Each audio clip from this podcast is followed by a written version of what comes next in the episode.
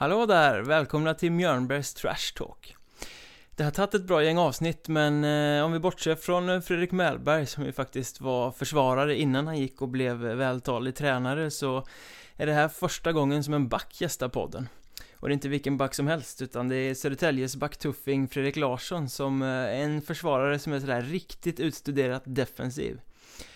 Därför blir det naturligtvis rätt mycket snack om en tuff spelstil, om slagsmål och eh, om att faktiskt bli förbjuden att behandla pucken på offensiv sida om rörlinjen.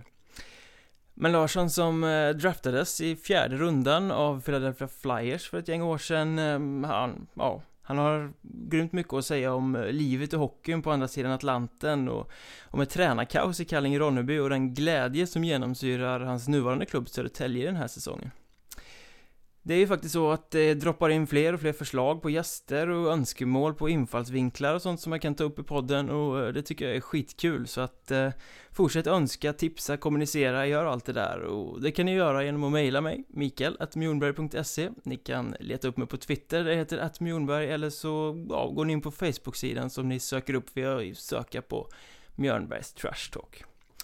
Men nu ska inte jag sitta här och babbla längre utan eh, vi kastar oss rakt in i den längsta podden i Mjörnbergs Trash Talks historia så här långt och det blir en timme och 40 minuter med defensivbjässen Fredrik Larsson.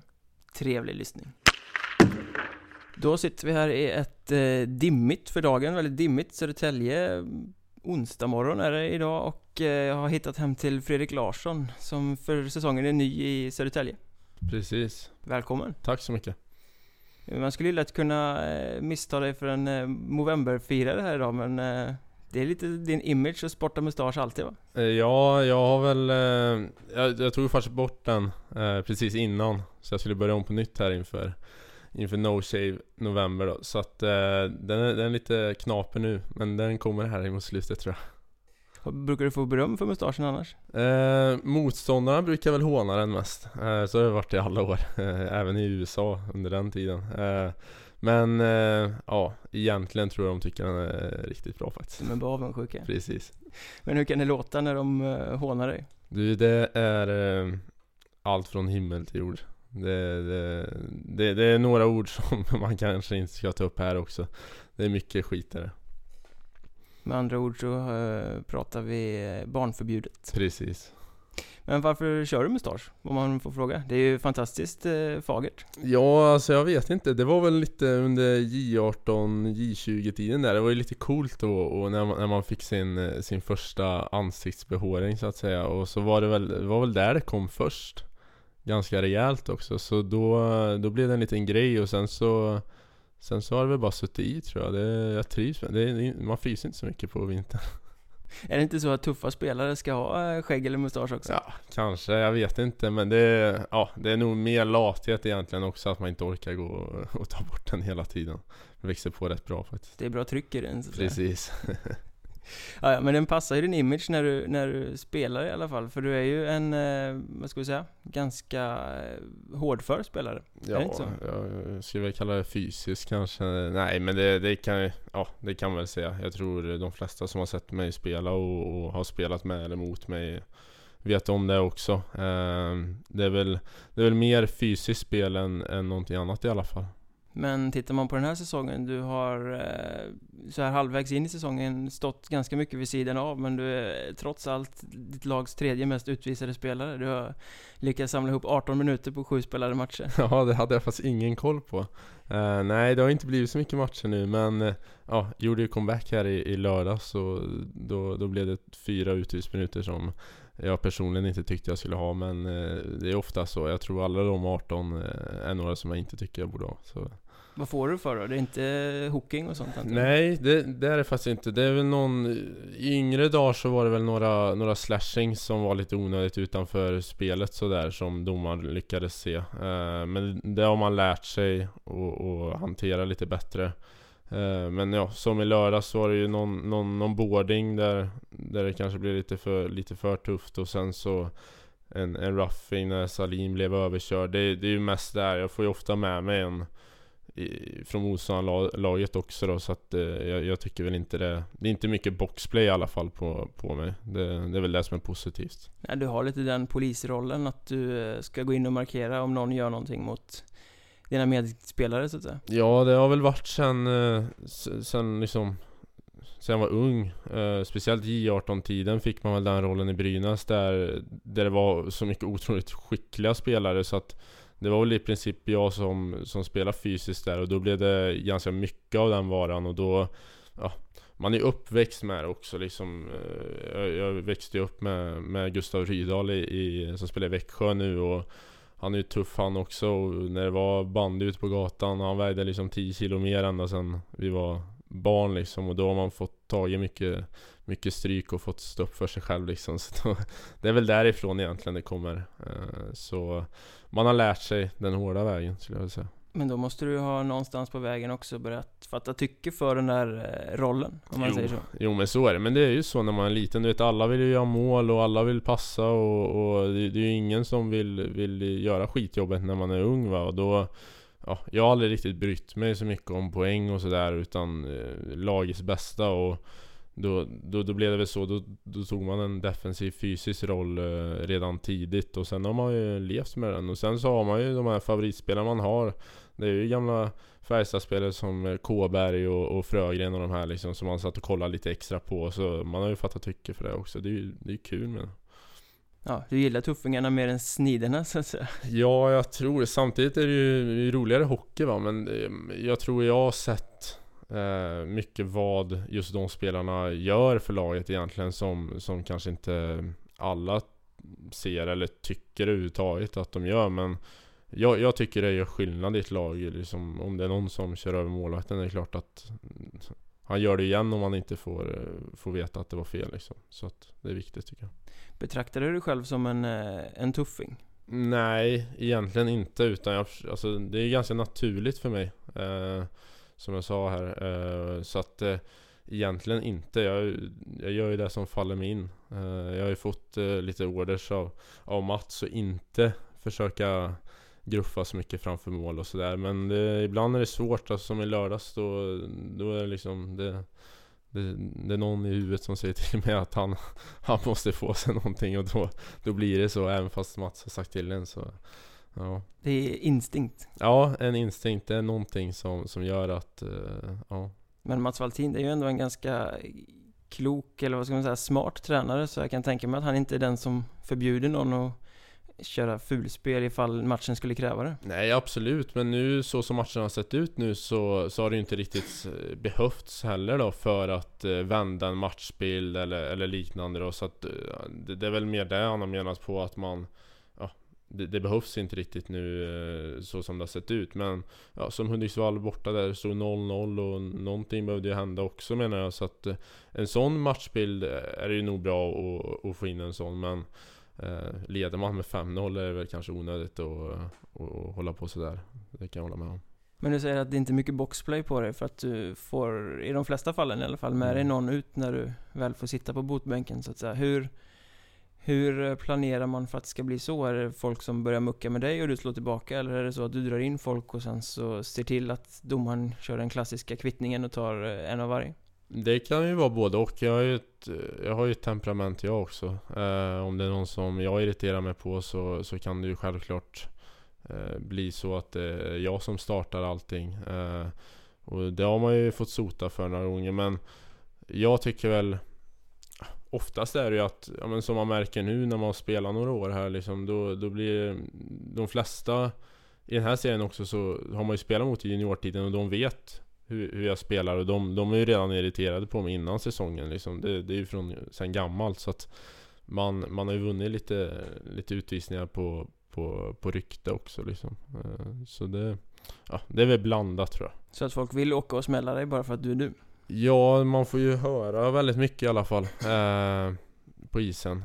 Och kan man då liksom trycka till dem lite extra och då blir de ännu mer irriterade och då, då kan man eh, ja, antingen att man blir tacklad eller någonting framför mål, ta en slashing eller Men ibland blir det ju att bägaren rinner över för mig också, då slår man ju tillbaks och då, då, då blir det kvittning istället men eh, är folk rädda för dig också, tycker du på något sätt? Jag menar, du är rätt stor och du har eh, fått det här ryktet om dig att du backar ju inte Nej, alltså ärligt talat så tror jag inte någon är rädd för mig Inte alls För jag, jag, jag, tror, jag tror jag är lite för hänsynslös mot mig själv.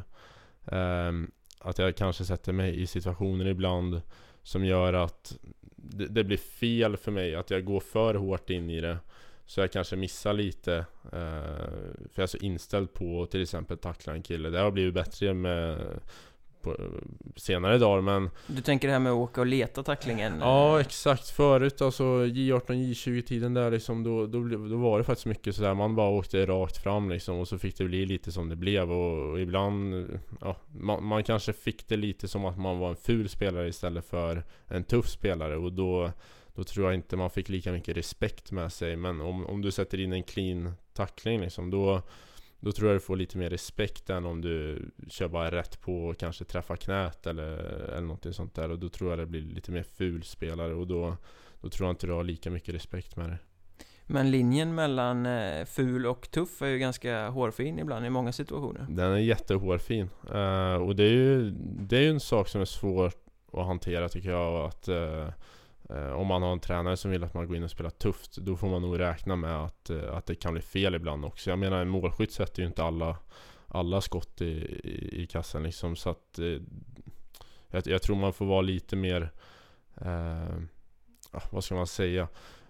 Om man vill att jag ska spela tufft då får man eh, nog eh, köpa att det kan bli någon utvisning här och där också. Ja, utvisningarna kommer ju med uppdraget på något mm. sätt. Det är samtidigt, ett ofrånkomligt faktum om ja, man säger så. Samtidigt som dom, domarna har väl inte alltid jättebra tycke för mig heller, tycker jag mig känna. Eh, jag har blivit bättre på att inte skrika på dem och sådär också, så man har väl köpt sig lite mer eh, hos dem. Men eh, när man var yngre då, då skrek man ju efter dem och, och tyckte ingenting var rätt och då, då ibland kändes det som man åkte ut bara för att man, man, man liksom hatade dem i princip. Ja, men du känner att du har en, kanske ett, på grund av ryktet, ett eh, extra öga på dig när du kliver ut på isen? Jo men så är det Alltså jag försöker spela tufft i varje byte så att eh, det är klart att hade jag varit domare hade jag haft kanske två ögon extra på mig. Eh, det är klart att det kommer lite, någon slashing i knävecket på, på någon som inte ens är närheten av pucken men det är ju bara för att reta upp och det är ju liksom det, det, det är min spelstil. Men det har också blivit bättre. Det, det, är inte lika mycket sånt.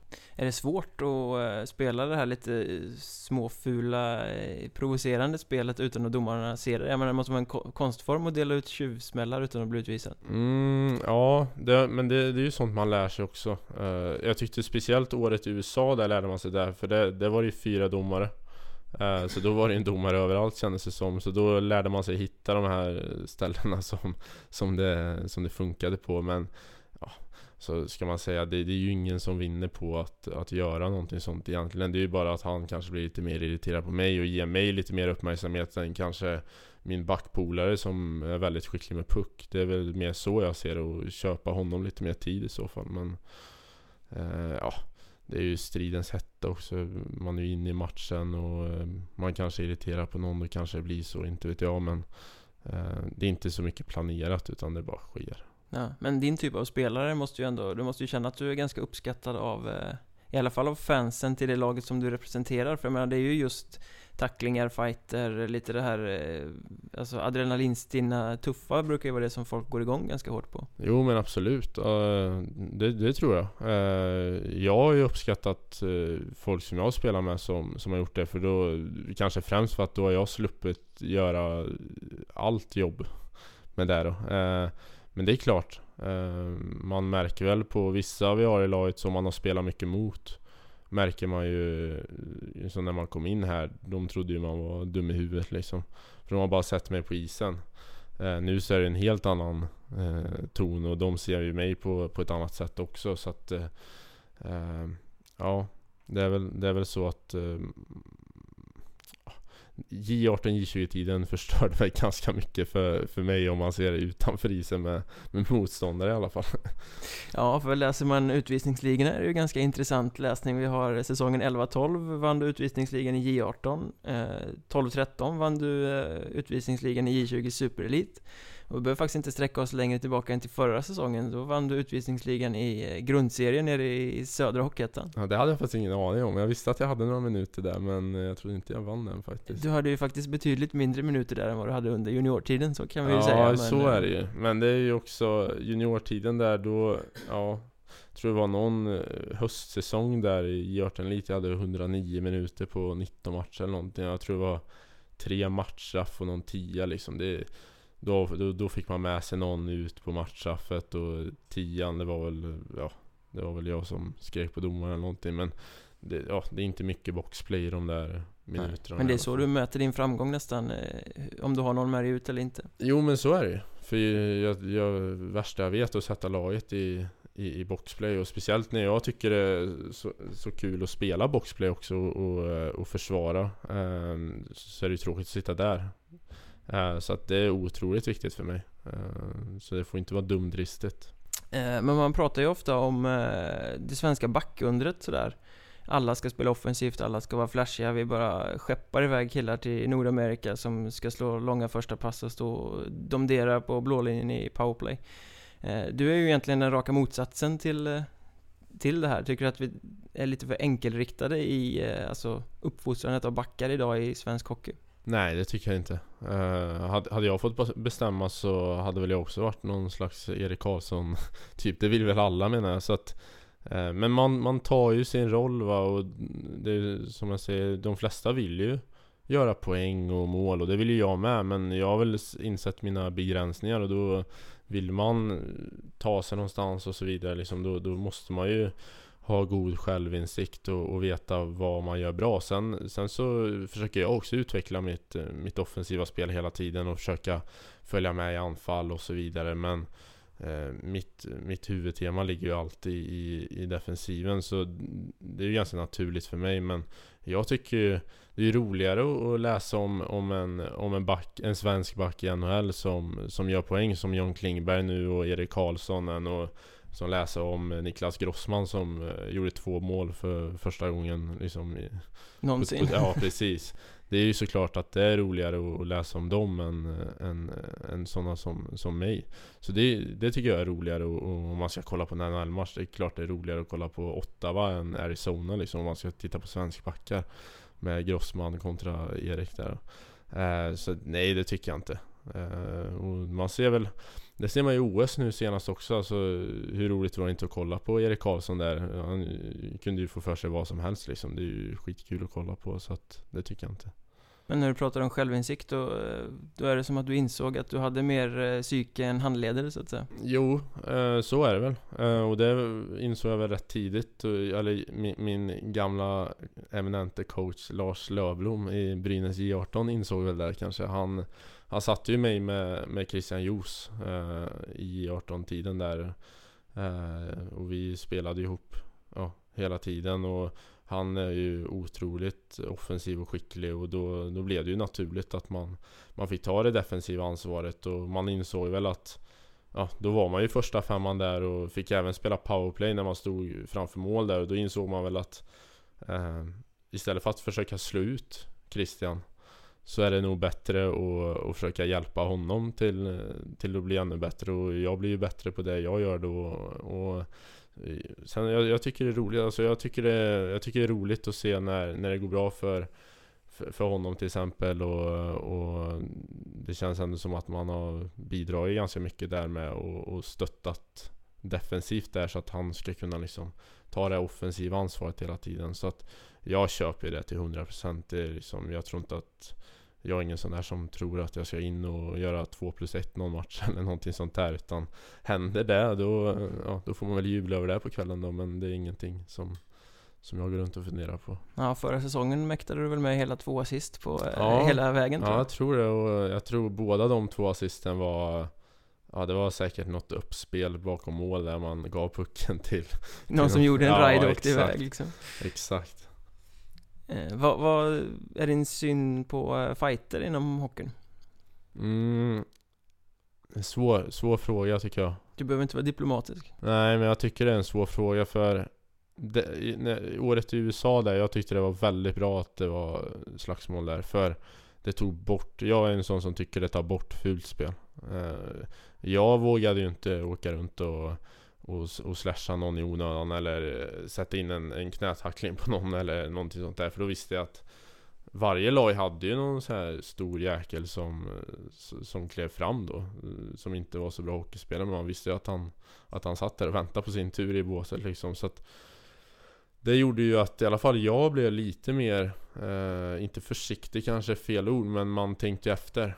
Eh, Och det blev ju inte lika mycket skador och så vidare på matcherna märkte man ju. Sen är ju de uppväxta där borta med slagsmål. De, Man märkte ju själv när man hamnade i någon, i någon fight där. Så de visste ju precis hur man skulle göra och vad var man då liksom? Det var ju folk som var 17, 18, 19 uh, Och jag tror, inte, jag tror inte det är så många här hemma som kan behärska och, och sitta fem minuter För en fighting och sen ut och spela igen. Jag, jag, tror, jag tror inte det funkar här. Uh, Men jag tror, jag, jag, tror det är bra för hockeyn egentligen Men du ska kunna hantera det och eh, Jag åkte på mycket stryk där borta och eh, Jag hade inte velat ha hem det hit egentligen. Eh, så att jag tror här hemma kan det nog bli mer skador av att ha slagsmål än att inte ha det. Men du säger de visste precis vad de eh, skulle göra. Vad, vad ska man göra då när man hamnar i fight? Ja, jag, jag hade ju lyckan av att få, få, få vara med och träna med NHL-spelarna där i Segeltorp innan jag åkte över. Så mm, min agent och Christian Sjögren eh, är bra polare med Douglas Murray som som jag fick eh, gå en liten kurs med efter den träningen eh, i, i hur man försvarar sig och lite sådär då. Eh, så det var nog nyttigt för mig så jag visste hur man skulle eh, hit, få lite eh, knep sådär och lite tips hur, hur man eh, inte åker på en knockout i alla fall. Dra in huvudet som en sköldpadda eller vad, uh, vad gör ja, man? Nu var det lite svårt för Douglas, han är ju stor och stark så han orkade liksom Han orkar ju hålla emot och sådär. Nu, nu var jag väldigt uh, tanig på den tiden. Kanske är lite fortfarande också men på den tiden var jag ju väldigt tanig och då det var, det var svårt att hålla emot. De är, det känns ju som att de är fem år äldre vissa spelare där fast de kanske är två år yngre istället. Eh, så att de är ju väldigt färdigutvecklade tidigt där borta och de, de, de, deras, jag tror deras psyke och huvud liksom det, det är någonting annat än vad många har här hemma. Så att eh, de, de tjänade mång, många slag på att de hade det i sig kändes det som. Men, men det var nog nyttigt att, att köra där med Douglas för då, då åkte man inte på någon knockout i alla fall. Eh, och det tror jag hade mycket med det att göra faktiskt. Nej, du var lite förberedd. Ja, precis. Än att komma över där och kanske ha några Ja, jag vet inte, jag kallar det inte ens fighter vad vi har här hemma liksom men lite Det är lite mer catfight, ja, folk som mer, vevar lite ja, utan tanke Lite kurr Så, um, jag vet inte det var en speciell känsla att gå sin första fight där borta för det var ju Ja, det var helt annorlunda om man jämför med hemma. Man tyckte ju man hade koll på grejerna här hemma men När man kom över dit då insåg man ju att man har ju ingenting att komma med här i början i alla fall. Men blir man inte rädd då? Fan nu kommer åka, han kommer slå sönder mig Nej alltså jag pratade lite med Douglas om det också han, Det var som han sa liksom när man är inne i det Du, du får så mycket adrenalin och, och det är nästan Du känner inte ens slagen i ansiktet Det är inte förrän du kommer in i i, i båset och sätter dig och, och, och vilar och liksom Andas ut förrän du känner att du Faktiskt har fått ett slag på nosen eller Om du har slagit på hjälmen Det gör ju nästan ondare än att få ett slag Eh, och det är ju faktiskt så som Dola säger där att du, du, du har så mycket adrenalin i kroppen när du väl går in i det så att du du, du känner ju inte av det riktigt. Och åker du på en riktig smäll och går i backen, det är klart att, eh, det är klart att du känner av det. Men de här vanliga slagen, det, det, det känner man mer efteråt faktiskt. Men vad säger Douglas då? Alltså uppmuntrar han dig till att, att uh, gå in i sådana situationer eller uh, gav han snarare rådet att hålla sig undan när man kommer över till USA och sådär? Han, han, han sa definitivt inte att jag skulle gå in för att slåss. Uh, och jag, ty jag, tycker inte att jag är en sån spelare som ska göra det heller. Det är ju mer bara att markera. Men ja, Vissa gånger smäller man ju på rätt hårt där och då, då är det ju någon som ska stå upp. Det är ju, det är ju deras mentalitet och då, då, alltså, Jag kan ju inte stå där med handskarna på och försöka skydda mig medan en kastar handskarna. liksom. Man måste ju man måste försvara sig minst i alla fall. Eh, så att det var väl mer händer det så händer det. Försöka försvara sig på bästa sätt. Kan du sänka honom då, det är väl det bra liksom. En bonus liksom. Ja, men det, det, var, det var mer gå in och, och bara försöka försvara sig. För de, de är riktigt duktiga där borta, de som kan det där. Men när du kom hem till Sverige sen igen så trodde folk att du ville fightas? Ja, jag tror det. Eh, jag, jag var inte sugen på det. Eh, jag hade gjort på några smällare där borta som, ja, som jag tycker är rätt onödigt, men som man inte kom undan. Uh, speciellt så är det sent, sent, by, sent i bytena, då, det, då är det inte roligt alltså. Och, När du redan är trött? Ja, liksom. det, det, det, funkar inte. Alltså, då, då kan du åka på någon om han är lite piggare.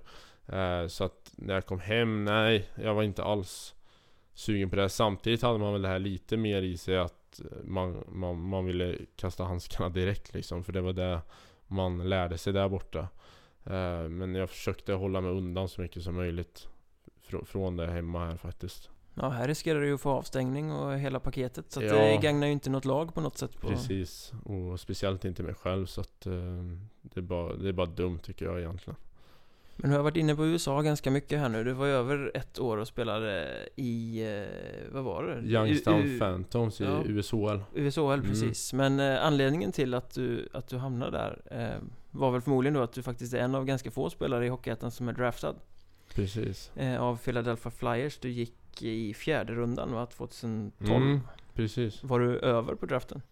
Nej, det var jag inte. Verkligen inte. Jag, jag, jag, hade, ju, jag hade ju snackat med Jag tror det var 12 lag eller någonting sånt där eh, Under sommaren eh, Och jag hade ett möte med min agent innan där och, och han Han ville väl inte ge mig några förväntningar utan han sa Händer det så händer det och jag tyckte väl likadant liksom det det, det, var ju ingen stor grej om det inte skulle ske menar jag. Eh, då är det bara att fortsätta kämpa. Jag hade ju spenderat mestadels i J18 hela säsongen och, och, och, jag tänkte vi åkte runt och spelade Arboga borta och, och Ore och ja, jag vet inte ens vad det var för lag. Det, inte det stora skyltfönstret? Nej, tro, man trodde inte det satt några scouter på de matcherna direkt. Eh, sen hade jag ju 14 matcher tror jag i, i J20 det året.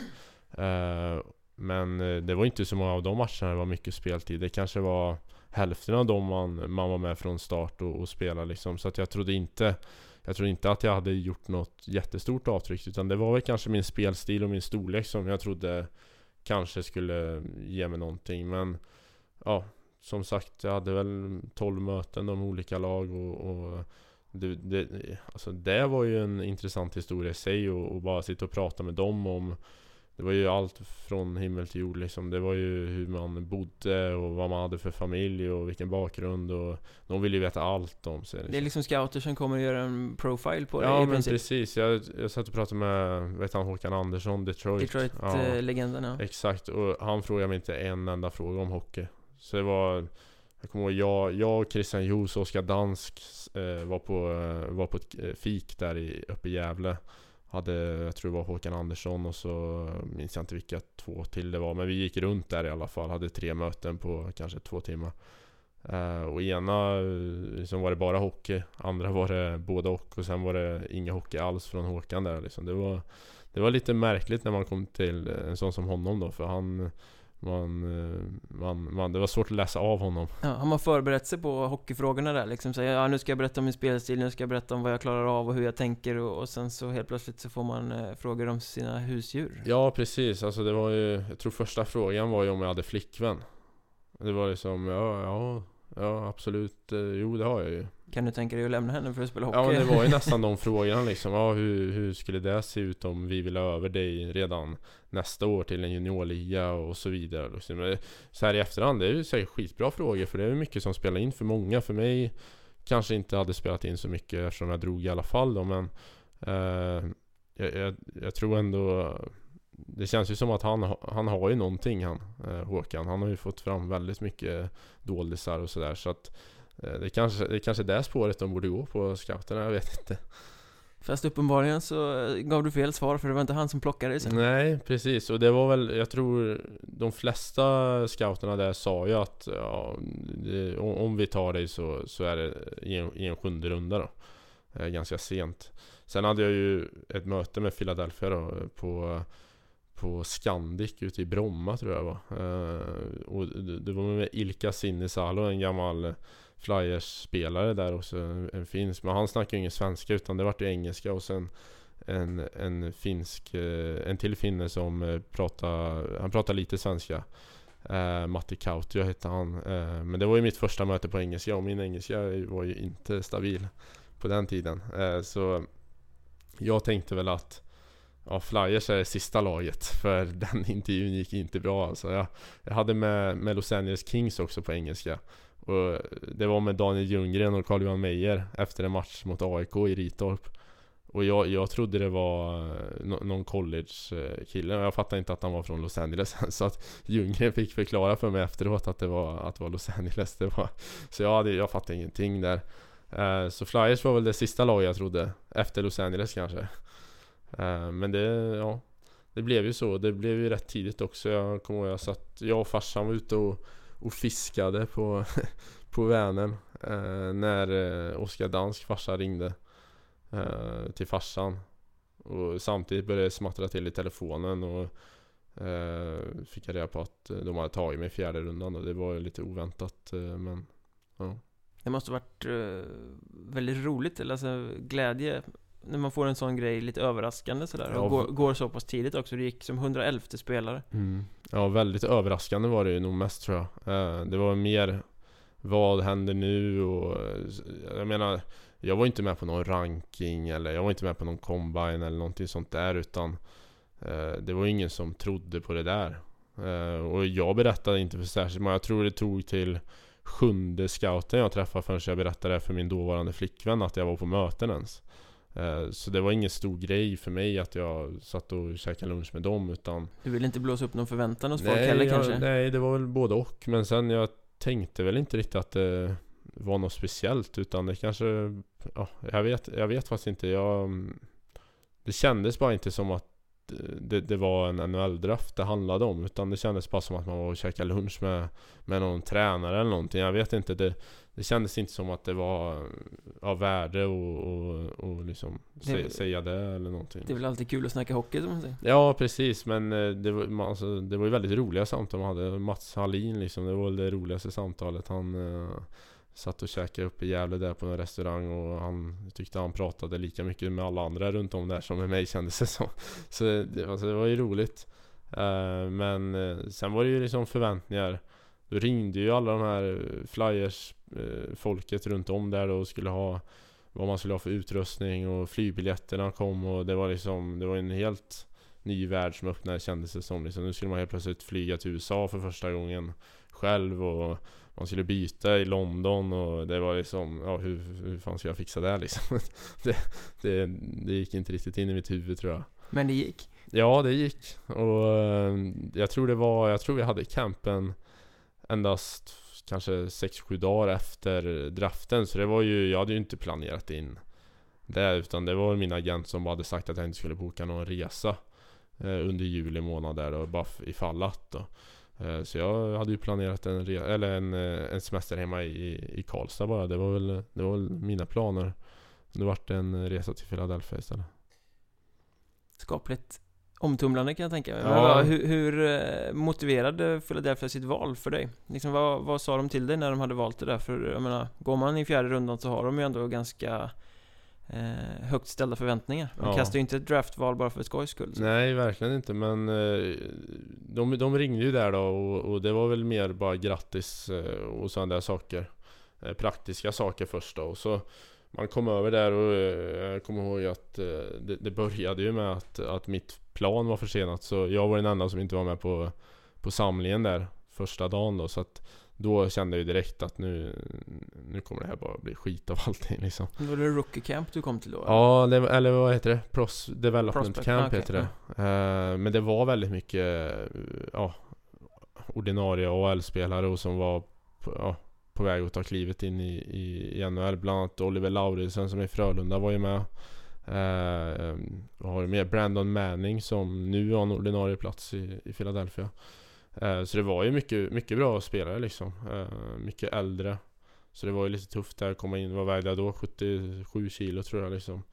Och 1,92 lång. Och eh, ska gå in där mot, eh, mot födda 89 och väga liksom 100 kilo. Det, det, var, det var lite... Man är inte jättekaxig kanske? Nej, det var verkligen inte. Men man kom in där och det var ju en helt annan värld där också. Det var ju liksom service på service och det var man, man fick ju i princip vad man ville där i form av utrustning och, och det var ju maten och, och allting så där var ju kanon liksom. Det var ju en helt en helt ny upplevelse för mig. Um, jag menar i Brynäs då, vad fick vi då? Fem klubbor. Där fick jag fem klubbor första dagen liksom. Det var och det var bara att säga till om man behövde fler. Så att uh, det var, det var lite speciellt allting. Och då är du inte ens i närheten av något A-lag eller något farmarlag eller ens något juniorlag nej, utan nej. bara första steget liksom. Precis, så att, eh, ja, men det var väl lite så man tänkte liksom. Ja men om jag har det så här nu, här första veckan, hur, hur har de som spelar där egentligen? Det måste vara hur bra som helst liksom. Eh, men det var, det var lite speciellt. Och så var man ju jetlaggad där. Man kom ju dit på söndagen. Campen började ju på måndagen liksom med isträning redan eh, åtta på morgonen. Så man var jetlaggad där, ja, säkert fyra dagar. Och det var ju väldigt jobbigt, man var ju riktigt trött och sen så började man ju känna sig bra igen i kroppen fram emot sista två matcherna där vi skulle ha på, på campen. Då, och då var jag ju skadad då, så att det, det var... ja, jag vet inte, det var en eh, händelserik eh, vecka. Ja, men de måste ju ändå någonstans ha gillat vad de såg när det var över För jo. sen, eh, det måste ju vara deras, eh, på deras uppmaning som du sen hamnade i USCHL Ja, det, det kändes väl eh, som jag, jag kommer ihåg, jag gjorde ju ett mål där första matchen. Jag tänkte, ja nu, det, det här måste ju vara bra liksom. Nu, nu måste de vara nöjda. Jag mål. Eh, Och så kom jag ut och skulle prata med Chris Pryor. Eh, Han var Head of Player Development. Eh, Så han, han var ju chef över campen då. Uh, och det första han sa till mig var att uh, jag stod och smålog där lite grann. Jag tänkte nu, nu kommer han, berö- ja, nu kommer han berömma en lite. Det hade gått rätt bra på matchen också. Uh, men det första han sa var att jag inte fick ha pucken över rörlinjen. det, det var liksom Ja då fick man en käftsmäll där också. Man, eh, man, man, var hur nöjd som helst och uh, hade inte gjort bort sig på något sätt. Och, you are a stay at home defenseman. Ja precis och uh, jag kommer ihåg han, han, han, han jämförde det där med att ska, ska de signa mig på kontrakt där så, så betalar de inte mig för att göra mål. De, de betalar Claude Giroux och, och, och sådana spelare för att göra mål. Mig betalar de för att, för att ja, ta bort mål för, för motståndarna liksom. Så att, Ja då fick man ju, det är kanske lite därifrån det kommer också att man Just den, det samtalet man, man hade med honom. Ja ska jag ta mig hit? Ja då, då kan inte jag hålla på och försöka vara offensiv och så vidare. Så det kanske var där också eh, Vände lite i mitt huvud att eh, Nu gäller det att satsa på just defensiven. Mm, Men du lärde dig ganska mycket där? Väldigt mycket. Det var ju väldigt mycket Personlig träning om man säger. Eh, Eh, jag har ju hört andra som har varit på andra lags camper att man åker dit och så kör de skiten ur en och man ska visa att man är tuff liksom. Philadelphia, det första de gjorde på, innan träningen det var liksom Ja, ni är, ni är här i juli. Ni har inte varit på is innan. Eh, det är ingen som förväntar sig någonting av, av, av er liksom i spelet sett. Utan eh, kom hit, gör ert bästa hela tiden, försök utvecklas. Vi kommer hjälpa er med, med, med det ni behöver så det vi kräver av er är att ni gör det bästa och, och försöker utvecklas. Så det var också en liten lättnad när man kom dit att, eh, att, att man var faktiskt där för ja, development liksom, som, som det heter. Och så det var inte för att köra skiten ur den och fyspassen var ju inte jobbiga i sig heller som man hade trott och hört liksom Inte gristräning Nej liksom. precis, utan det var, det var väldigt eh, utstakat av vad man ska göra och det var väldigt planerat allting och, och det var bara hur skön känsla som helst hela, hela tiden under den veckan Fram till sista dagen När du gick sönder? Ja precis, och Kanadik som störde sig på en kanske Ja, hur gick det till? Vad var det som hände? Ja, eh, det, hade ju, det var en ganska grinig match faktiskt. Jag tror, jag tror det hade blivit... Vi låg ju under med, jag tror vi låg under med 8-1 eller något sånt där efter två perioder. Uh, grejen var att det var inga domare på, på isen. Det var en domare som släppte pucken hela tiden bara, men sen var det inga, det var ingen som dömde utvisning eller så här, utan det skötte vi själva. Men då var det ju någon i vårt lag som ville väcka vårt lag och tog en, eh, tog en fight direkt på tek efter ett mål. Uh, så då började det bli lite grinigt. Sen så var det någon som dumpade en puck och jag skulle ner och hämta den Som man alltid gör Det var inget konstigt Så skulle jag ju precis vända mig bak och kollade om det var någon som kom. Och då satt ju en armbåge slash axel i, i käken på mig. Eh, Så man åkte in i, i plexit med huvudet och det var ju Flyers eh, träningsanläggning, de har stenhårda plexin också så att det, det small ganska bra. Eh, så eh, ja, jag träffade väl liksom tinningen då in i plexit som man svimmade av och sen slog man ju bakhuvudet i isen också så att Man var väl borta en halv minut ungefär. Skaplig Så- hjärnskakning? Ja, det var en skaplig hjärnskakning med följd av nacken också då som fick sig en, en smäll. Men ja, det var lite synd. Jag, jag mådde ju bra dagen efter. Eh, så jag flög ju hem. Eh, hade jag känt efter lite mer kanske man hade fått flyers hjälp på ett annat sätt. Eh, genom att fixa det där. Eh, lite bättre kanske. Eh, men man, man vill ju inte visa sig svag för dem heller. Utan man, man var ju hela tiden okej och man, eh, man hade inga skador när man var där liksom. Utan man, man körde ju på. Så jag vet inte, så här i efterhand kanske man skulle tänkt till lite. Men hur mycket påverkade det där dig sen vidare? Alltså, Alltså det, jag tror, jag var ju ändå borta, det var ju en ganska rejäl hjärnskakning så jag var ändå borta första delen av, eh, av säsongen. Eh, på J20-säsongen där då. Eh, så att eh, det påverkar mig att jag missade mycket, mycket is där då. Eh, sen så var det ju otroligt jobbigt i början att, att gå ner och hämta puckar. Det var... det satt i bakhuvudet? Ja eller? det satt i hela huvudet kan jag säga. Det var, det var faktiskt riktigt jobbigt. Man, det var ofta man lät forwards gå först. Istället för att jag skulle ner och hämta puck och så smällde man honom istället. Och så gör jag väl ibland också bara för att det är skönt att, att få trycka till honom. men, nej, men det var mycket sånt. Det, det tog nästan eh, säkert halva den säsongen innan, innan den tacklingen var borta i huvudet. Eh, sen så hade man ju lite, har man ju fortfarande lite problem med nacken då.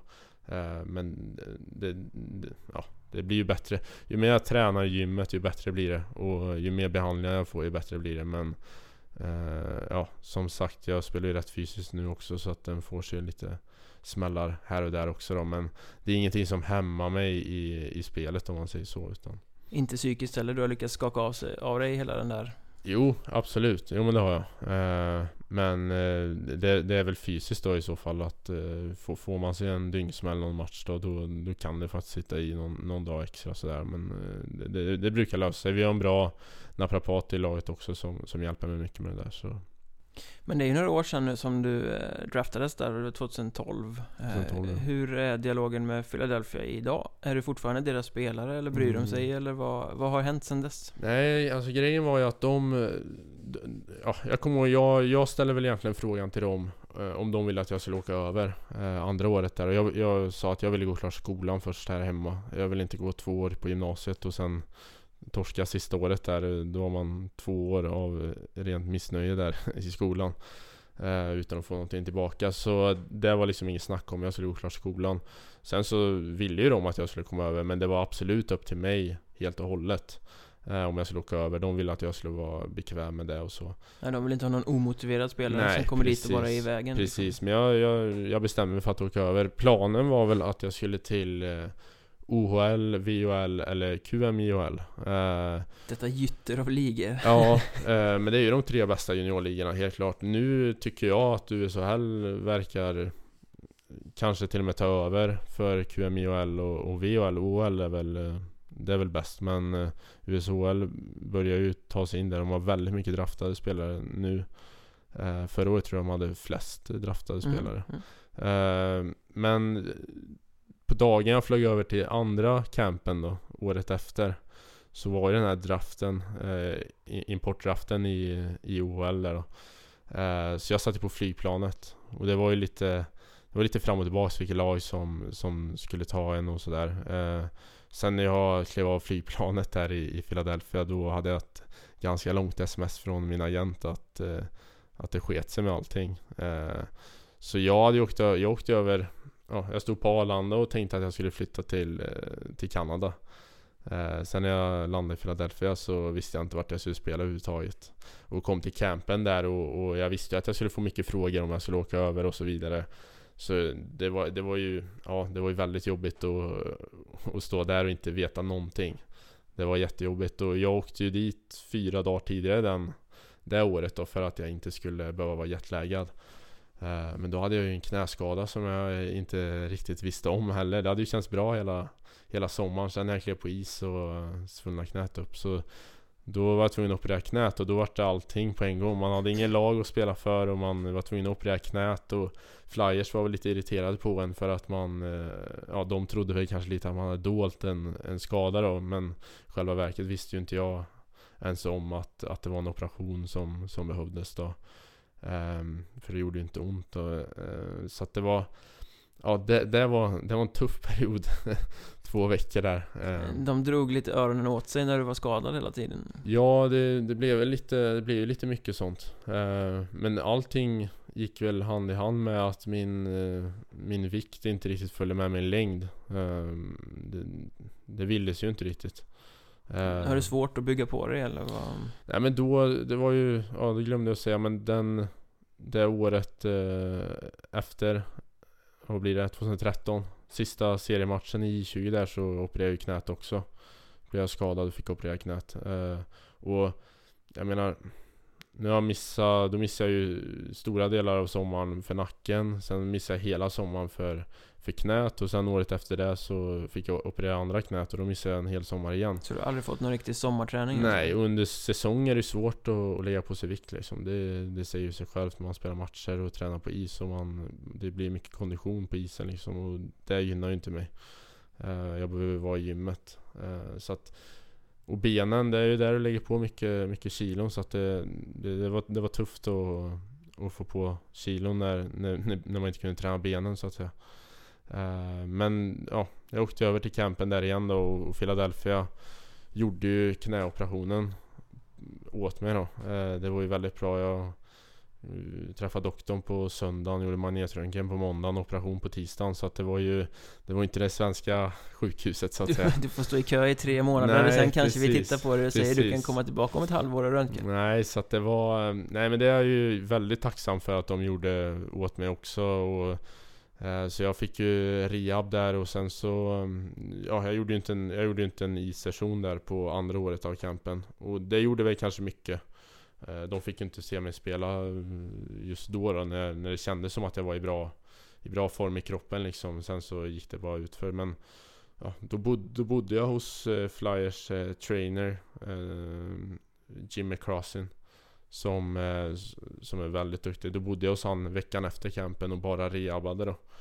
Eh, så där fick jag ju där fick jag ju väldigt bra kontakt med dem. Eh, de, de vis, man fick visa att man verkligen ville det här och man, man gjorde ju allt man kunde och man stannade där en vecka till för att bara rehabba istället för att åka hem och, och, och vara hemma då när jag visste att jag skulle till USA i alla fall. Så det var väl positivt och negativt. Men sen kom ju det här eh, Youngstown upp då Ja det var då du hamnade i USHL Precis och då eh, så eh, Ja Det, det blev ju Jag vet inte, de har en importdraft där också och det, där gick jag ju inte då för det var ju för sent eh, Sen så eh, ja, ringde de och ville över en. Jag visste inte riktigt hur det där skulle funka men Jag åkte över dit i alla fall. Jag missade ju campen för dem. De har ju också en camp.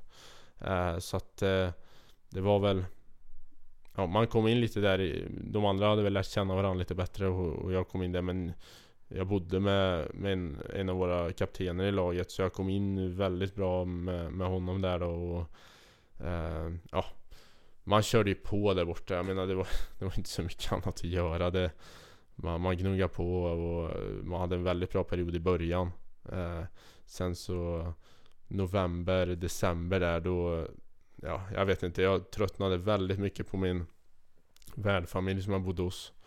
Jag var inte alls nöjd med, med hur de skötte allting. Eh, så det påverkar väl mycket på isen också. Att man inte var nöjd hemma gjorde att man inte riktigt kände någon glädje överhuvudtaget. Eh, så jag, jag pratade med min agent och ville ha en, ha en trade. Ja, du blev tradad till Tri-City Storm då. Ja, precis. Så det var lite komiskt. Vi var ju i Tri-City där helgen innan juluppehållet innan jag åkte hem till Sverige för tre dagars ledighet tror jag vi hade. Fyra kanske. Um, så jag pratade, ja då var vi där då och spelade mot Tri-City. Och jag hade säkert två av mina sämsta matcher mot dem under hela säsongen. Uh, jag tror jag hade tio utvisningsminuter i två år på två matcher där. Det var liksom, det var ingenting som stämde. Allting blev bara fel.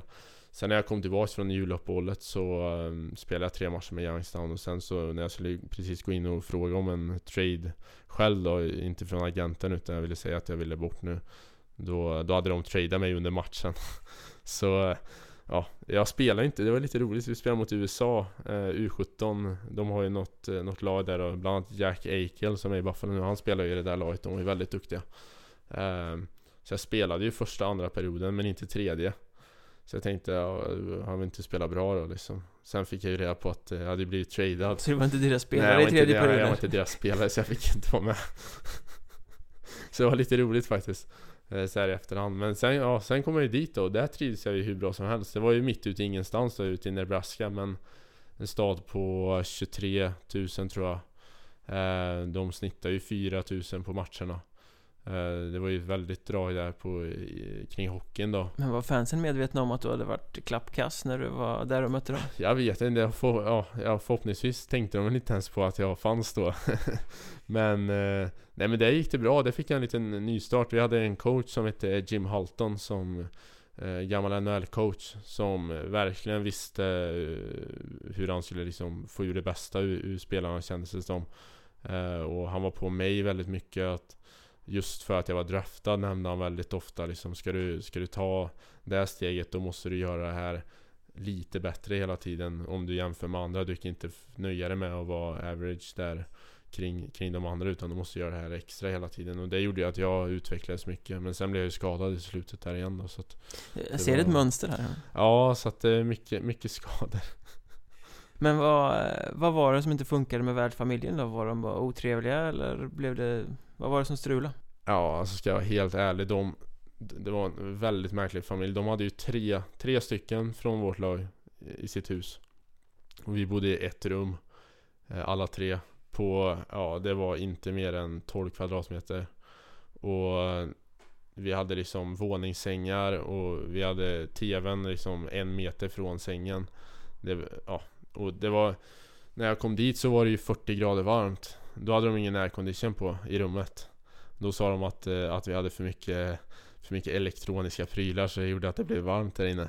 Så det, startade ju redan då och sen så när det blev kallt på vintern ja, då, då, hade de ingen värme på i rummet. Så det var ju, de var ju snåla som satan och det fanns liksom inte tillräckligt med mat på, på bordet. De försökte ju liksom tjäna pengar på att ha oss där kändes det lite som. Uh, och de var inte, mina rumskompisar var inte heller nöjda liksom. Det, Nej det var så att familjen fick betalt av klubben för Ja de fick ju betalt er, av klubben för att ha oss liksom. Uh, Samtidigt som jag hade min glutenallergi och, och, och jag, jag fick ju tränarens uh, black card och gå och köpa all mat jag behövde Så att inte familjen skulle behöva kolla vad som är glutenfritt och så vidare. Så för mig betalade de ingenting. Så jag vet inte, de, de försökte göra lite pengar på det där tror jag Men det var inte stabilt alltså. De var märkliga människor. Men blev inte klubben medveten om det också då? Men... Ja, jag gick in och sa det till tränaren strax innan jag blev tradad där att jag inte trivdes. Och det var ju en stor bidragande orsak till att jag inte ville vara kvar. Uh, för jag vill, inte, jag vill inte byta hem och spela i samma lag. Jag vet inte, det kändes som jag var... Jag passade inte riktigt in där på något sätt. Uh, svårt att sätta fingret på men... Uh, ja, jag vet inte vad de gjorde av den informationen. Antagligen ingenting för jag vet att det bor folk där nu också så att, Men eh, ja, de kanske har förändrats som människor, inte vet jag. Ja, eller så finns det andra som gillar 40 grader värme och svinkyla. Ja, eller också det kan ju vara mig det är fel på också. Så är det ju ofta så Kanske bara jag Men eh, alltså vardagen där borta, vad är en sån här liga? Hur, hur ser det ut? Hur är det att spela där? Vi hade ju Vi hade en, eh, en, en fystränare som, som bodde i Pittsburgh 45 minuter från Youngstown Och han, han, han började jobba vid åtta på morgonen Så vi hade ju fyspass sex på morgonen Så man var ju Tre dagar i veckan hade vi det Så då var man ju liksom uppe fem, tränade sex och sen så åkte man hem och då hade man inte träning förrän vid tre på dagen För att vissa gick ju i skolan eh, I laget så vi kunde inte ha för tidiga träningar heller eh, Så det var ju mycket dödtid alltså och jag är ju lite morgonmänniska och så att jag, jag är svårt för att sova länge då och Det blev att man gick upp i sju, halv åtta hela tiden och Det var ju mycket tid fram till träningen och Det vart väl otaliga timmar framför tv-spelet. Vart det. Blir, eh, låter som att det blir rätt mycket tristess. Ja men det, alltså i början funkade det för då bara körde man. Det, man tänkte inte så mycket. Sen när man kom in i den här november och man började liksom, det blev grått ute och sådär. Och vi hade liksom 30 minus fyra dagar där borta. Uh, ute. Så att det var det var, vädret var inte skitkul och jag menar man börjar väl tänka lite för mycket tror jag. Eh, och man började få fram alla de här dåliga sakerna som, som man egentligen kände från början komma då. Eh, så att... Eh, det negativa tar överhanden? Liksom. Ja men det blev lite så. Och sen så... Sen spelade det väl till jättestor del i att vi förlorade ju hela tiden. Vi, vi låg ju sopsist liksom. Och vi hade ju... Vi hade ju en första femma där med Kyle Connor som gick 17 i, i draften här till Winnipeg i år. Som gjorde hur mycket poäng som helst men det var ju i princip bara han som gjorde poäng så att eh, det, det, det höll ju inte. Eh, sen, sen vet jag inte, sen när jag lämnade började de ju vinna matcher så att jag vet inte. Det kanske var dig det var fel på. Det kanske var mig, jag vet inte. Men eh, ja, nej jag vet inte. Men det var en upplevelse liksom. det, Jag ångrar ju inte att jag drog till Youngstown, absolut inte. Det var ju hur kul som helst men det var vissa faktorer där som gjorde att det funkade bättre i Tri-City. Det kanske är bättre i efterhand än vad det var när man var på plats sådär, som Ja, jag tror det. Uh, men Tri-City alltså, det var, det var riktigt roligt. Jag trivs skitbra där. Uh, och det var... Det, den, den staden gillade jag. Uh, det var lite mer min stil. Det var lite... Lite lantigt där om man säger. Alla körde pickups och, och gick i flanellskjortor liksom. Det var, det var den stilen. Men hur är hockeyn liksom? Är den mer råbarkad än hemma eller hur? Man säger det att i många av de här det är givetvis väldigt varierande kvalitet på de olika lagen i de olika ligorna. Det är väldigt svårt att sitta i Sverige och säga vad som är bra och vad som är dåligt. Men ja. genomgående verkar ju vara att det är ganska mycket tuffare klimat och fler som vill hävda sig på något sätt än vad jo, det är i svensk hockey. Så är det. Sen så är ju USHL en förberedelseliga inför eh, college-ligan då, NCAA. Och den, alltså det är ju väldigt mycket fler college-spelare som, som tar sig till NHL nu och, än vad det var förut. Så att det har ju blivit bättre genom hela ledet där i amerikansk hockey.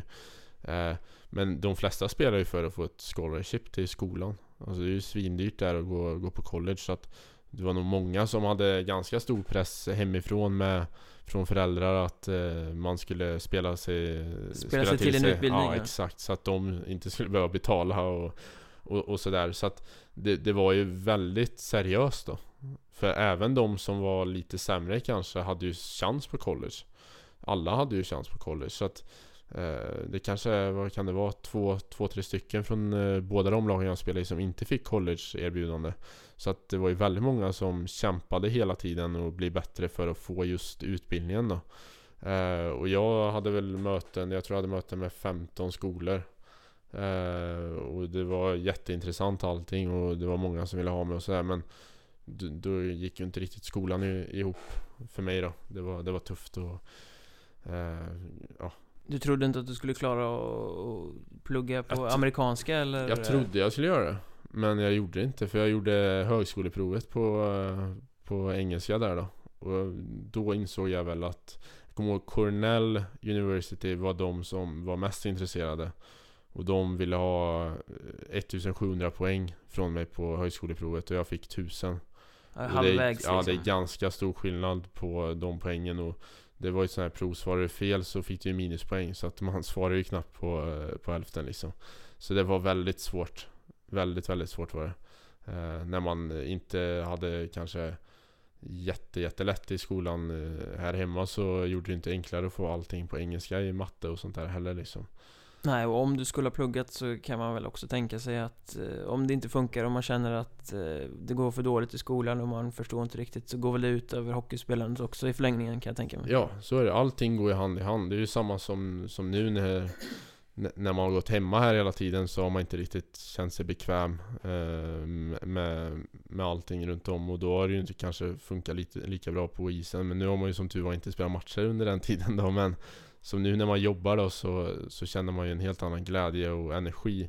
Och det är ju samma där borta att eh, hittar du på saker så, så blir det ju bättre. Eh, Så är jag i alla fall att eh, trivs man utanför då trivs man på isen också. Mm, Ja det gäller nog för de flesta.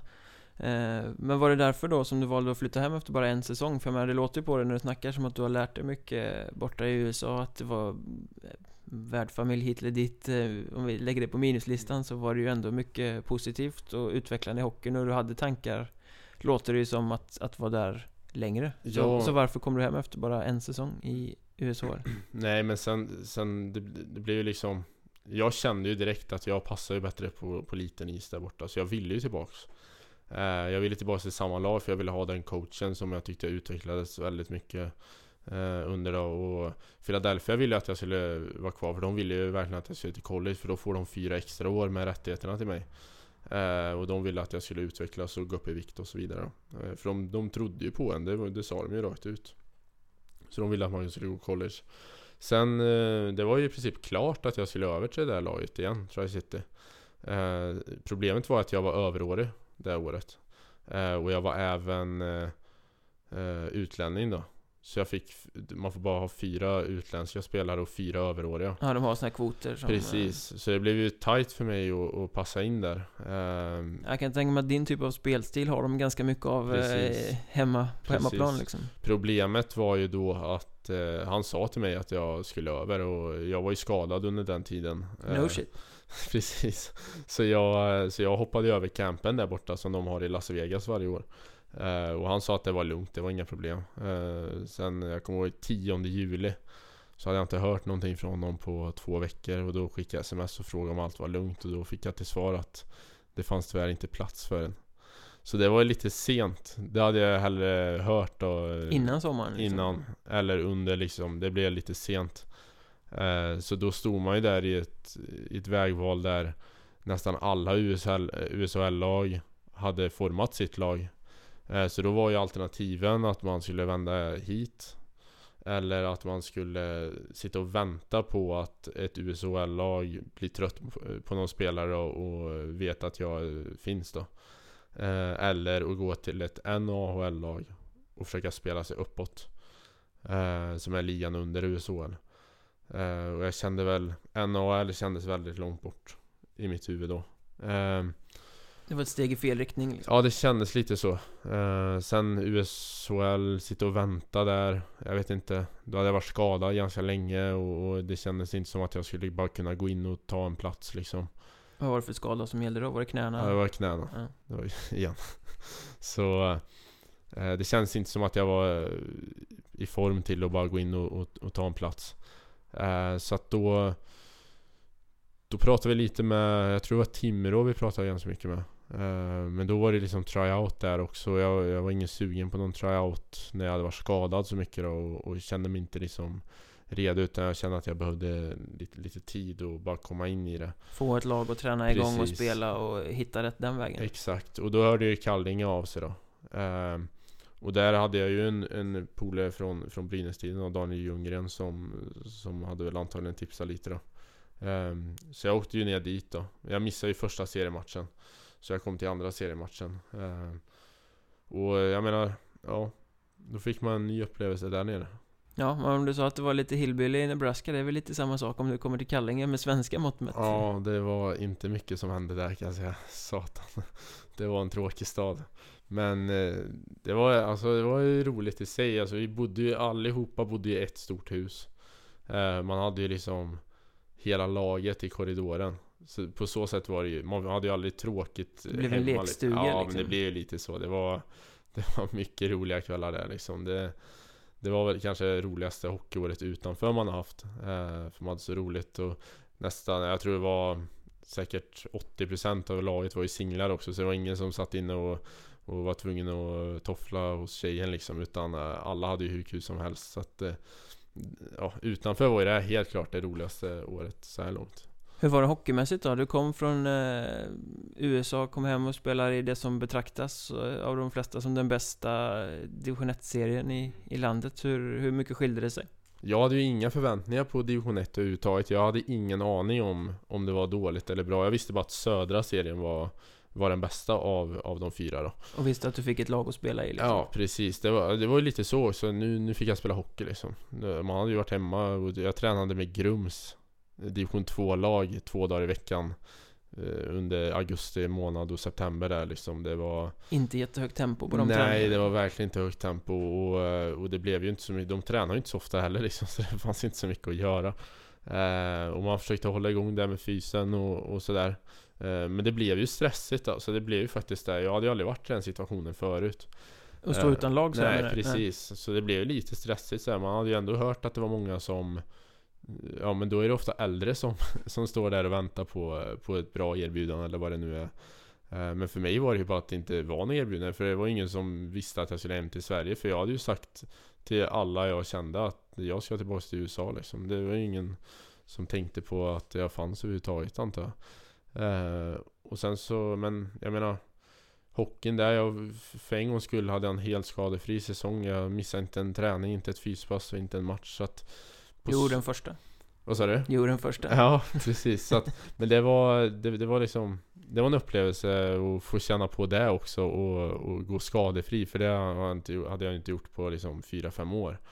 Eh, så det var väldigt skönt att få en sån säsong och väldigt bra fysträning där nere som hjälpte mig väldigt mycket. Och eh, vi fick ju in ja, Kari Eloranta som coach där nere. Var väl inte mycket att hänga i granen men Eh, när vi fick in Per Justeräng så blev det ju eh, andra bullar då. Det, då kändes det helt plötsligt mycket roligare att gå till träningarna och vi började vinna lite då också. Sen missade vi allettan i alla fall då men eh, Ja, med facit i hand gjorde väl inte det så mycket egentligen. Jag tror inte vi hade tagit oss längre. Vi kanske inte ens hade tagit oss till playoff. Jag vet inte om vi hade gått till allettan. Men Men vad var det som inte funkade med Eloranta där? För det var ju ganska mycket en Ja, en stor snackis förra säsongen att Kallinge plötsligt gick från att vara imponerande till att bara se grått och bedrövligt ut. Och ett namnstark coach som sen plötsligt fick sparken var hur såg det ut bakom kulisserna liksom? Alltså, Kari Eloranta Jag vet inte, alltså det, är var en märklig coach alltså, jag vet inte.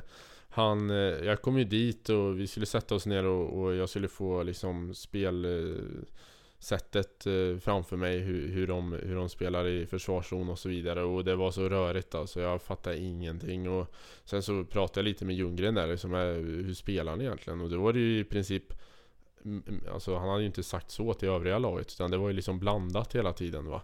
Och det var väl det som ställde till det att vi hade ju ingen grundspel överhuvudtaget.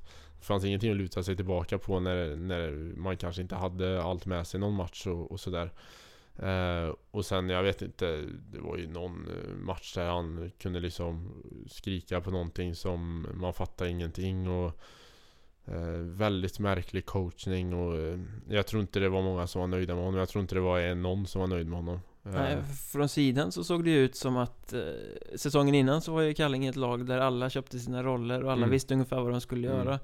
Eh, och sen så stod Elorant i båset och då eh, Från sidan såg det ut som att han försökte få in alla spelare i samma form. Så att alla ja. skulle göra ungefär samma jobb oavsett vad det var de var bra på. Exakt, nej men det var så också jag kände att eh, jag, jag, kunde inte hitta min roll. Jag var ju jag är jättevan vid att och, och bara få min roll va, och köra det. Eh, Där så, jag vet inte. Ja, det var, det var som att Coachen innan i, i USA och i, i Sverige, i Brynäs där liksom sa ju åt det när man tog för mycket offensivt ansvar och och här var det liksom, det var ingenting sånt Kunde du bli matchad i powerplay rent då? Nej, det blev jag verkligen Det sa jag till honom första jag gjorde När jag kom dit att Sätt mig inte på blå i powerplay i alla fall vad den gör. Eh, Så det var ingen risk men eh, Nej det var väldigt märkligt. Och sen insåg man ju då när Per kom eh, Jag tror han kom runt månadsskiftet november-december där någonstans kanske Ja, det var ganska tidigt på säsongen innan ja, han fick sparken Ja, så. någonstans i november tror jag eh, Om jag inte är helt ute och cyklar. Eh, Men då insåg man ju, för Per var ju där året innan också. Eh, Och då insåg man ju att det var ju Helt annat, då fick ju alla sina roller och, och man visste precis, vi hade ju det här grundspelet som alla visste precis hur vi skulle göra. Men att det var lite sent för att, att spela in sig där för att gå till allettan då. Så det var lite synd då men Ja. Men vad sa han när han kom in då? Vad fan har hänt här? Ja men det, ja Han stod väl mest och flinade liksom han, det känd, han, han är ju väldigt rolig tycker jag han, Det kändes Min känsla när han kom in var att Ja jag visste att det skulle bli så här när, när jag lämnade liksom Det, det var så? Ja det var nästan den känslan jag fick och han, han, han var väldigt självsäker, han visste vad han, vad han behövde göra och vad han ville göra Så att eh, det var ju oerhört skönt för oss som spelare och vi har en coach som det var liksom inget, inget krångel, han visste precis eh, hur vi skulle spela och så vidare då. Eh, så det var väldigt skönt. Eh, sen så kom vi då till fortsättningsserien där.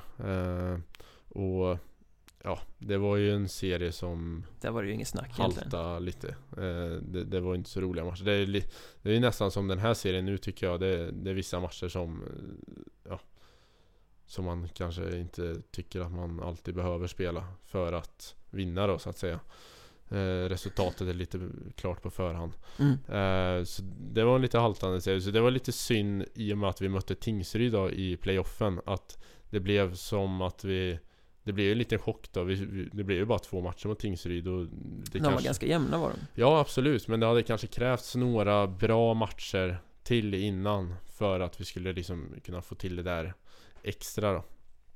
Så det var lite synd. Tingsryd är ju hur bra som det ser man ju nu också. De har väl ganska många kvar från, från fjolåret också sådär så att... Ja, eh, de behöll ju i stort sett nästan hela Hockeyettan-truppen och spetsade den lite. Det är Ja, grymt precis. imponerande det de Mm. gör i Allsvenskan nu. Precis, så, men det var ju inte långt borta att vi knep andra matchen där nere i alla fall. Eh, vi fick ju ett olyckligt matchstraff där med kära Robin Nilsson som vi har här nu också som aldrig har tacklats hela sitt liv som gick in och tog ett matchstraff. Var det den här situationen när han klev ut ur Klev ut ur utvisningsbåset och ja, lyckades klippa en snubbe? Precis, så ja, nej. Känner man Robin och har man sett honom spela så vet man att det där var inte meningen. Han, han är ju inte den som kliver in i det fysiska allt för ofta liksom. Så att eh, nej, det, det kändes ju som en käftsmäll när vi fick det. För det, det tyckte nog ingen, eh, varken på läktarna eller i laget att vi skulle ha det. Och då gjorde de ju två snabba där i, i, det powerplayet då. Så att eh, det, det var Ja det var tufft att ta, sig tillbaka från det och då var ju säsongen slut. Det var ju 28 februari.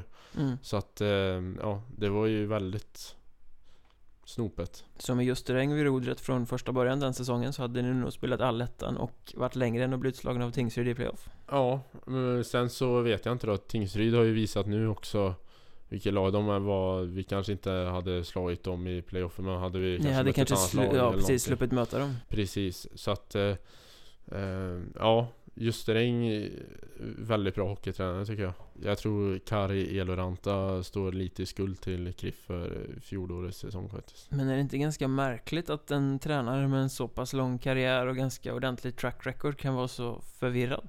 Ja, alltså, Alltså hur har han tagit sig till den positionen? Ja, jättekonstigt. Eh, det var flera gånger liksom, han känns lite konstig. Han, han stod och eh, skulle dra någonting om någonting och han eh, berättade liksom, ja jag brukar inte dra några paralleller till min egen eh, karriär och sen gjorde han det i alla fall. Det var liksom så här, ja då, då tänkte man, jaha, man fattar ingenting liksom. Eh, så nej, det, det var en flopp. Eh, sen vet jag inte hur han är i andra lag. Jag vet inte hur det var när han var i Mora eller sådär men eh, när han var där nere så, ja, det klickade inte någonting. Han åkte väl ur med Mora, gjorde han inte? Ja, det känns som att han inte har lyckats så bra i Sverige i alla fall. Som tränare.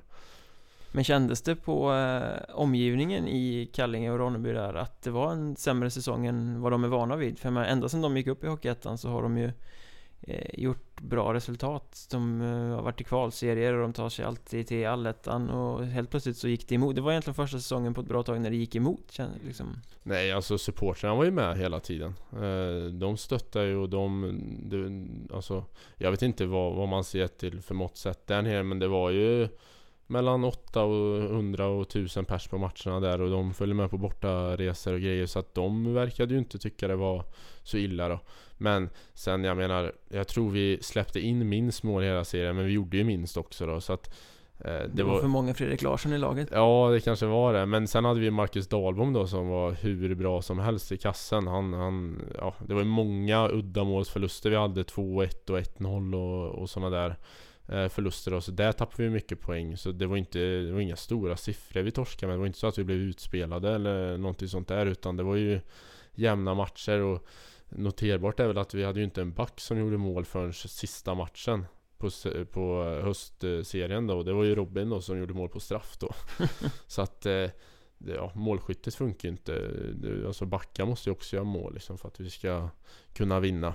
I alla fall vissa typer av backar. Ja, vi hade ju ändå Drugge och, och, och Robin och Blidstrand och, och sådär så att eh, som, som visade senare att, man, att de kunde göra mål också då så att eh, eh, Ja, det hade nog behövts då tror jag. Mm. Men hur gick det personligen om du ser till din egen insats? Du hade en helt skadefri säsong och du missade inte några matcher och, och Mm. så säger du. Hur, eh, rent spelmässigt, hur funkar det?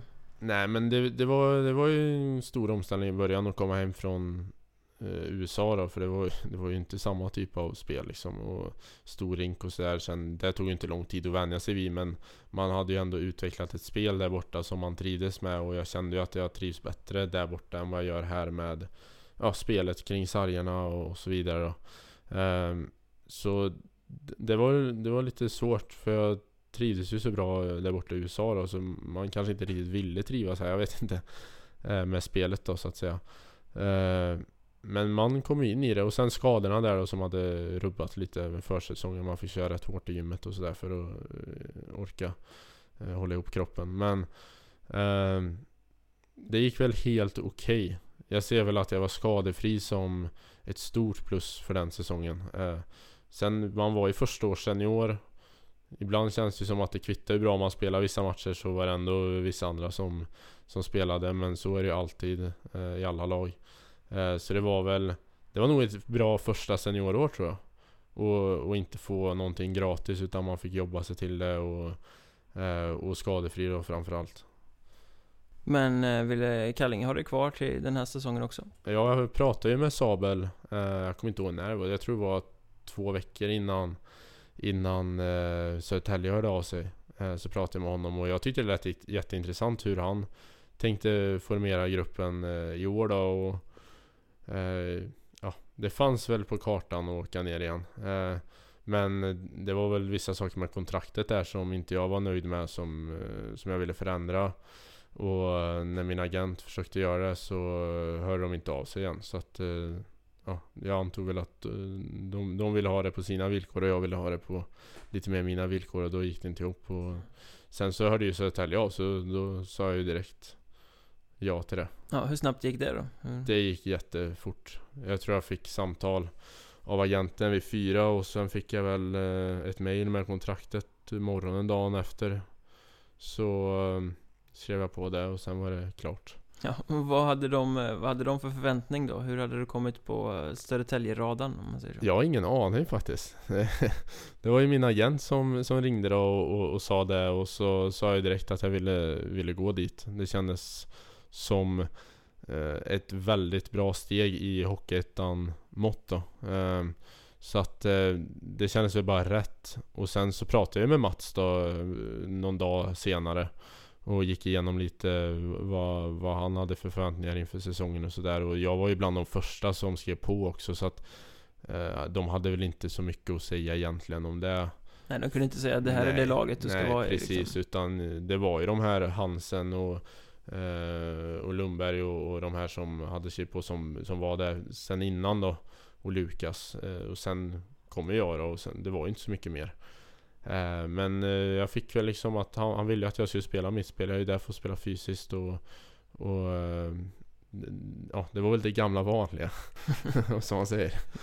Men den här gruppen som det sen har blivit Det känns ju som att det är Väldigt positivt go runt hela Södertälje Trots att man kanske förväntade sig att det skulle vara Depression och de har liksom rasat ner i Hockeyettan Vilket är episkt uselt för att vara en klubb som, som Södertälje men istället har det vänt så att supportrarna är jätteengagerade och, och får uppleva liksom segrar igen och det känns som att laget står ganska nära supportrarna. Ja, jag tror, jag tror det har mycket med just hur laget är. Det är mycket unga killar. Eh, mycket energi liksom. Det, det, det är ju ingen som står och stampar eh, någonstans eller, eller sådär utan alla kör ju hela tiden. Uh, och jag tror, jag tror supportrarna uppskattar det väldigt mycket. Nu har man ju sett då, nu när det kanske Bena inte riktigt varit med oss senaste matcherna så, så ser man ja det kanske, det kanske inte är exakt förlusterna de är, är irriterade på utan det kanske har varit att, att uh, de kanske inte har sett den här kämpaglöden som var uh, de här första 14-15 matcherna. men det, det är ju så, jag menar vinster, då är alla glada.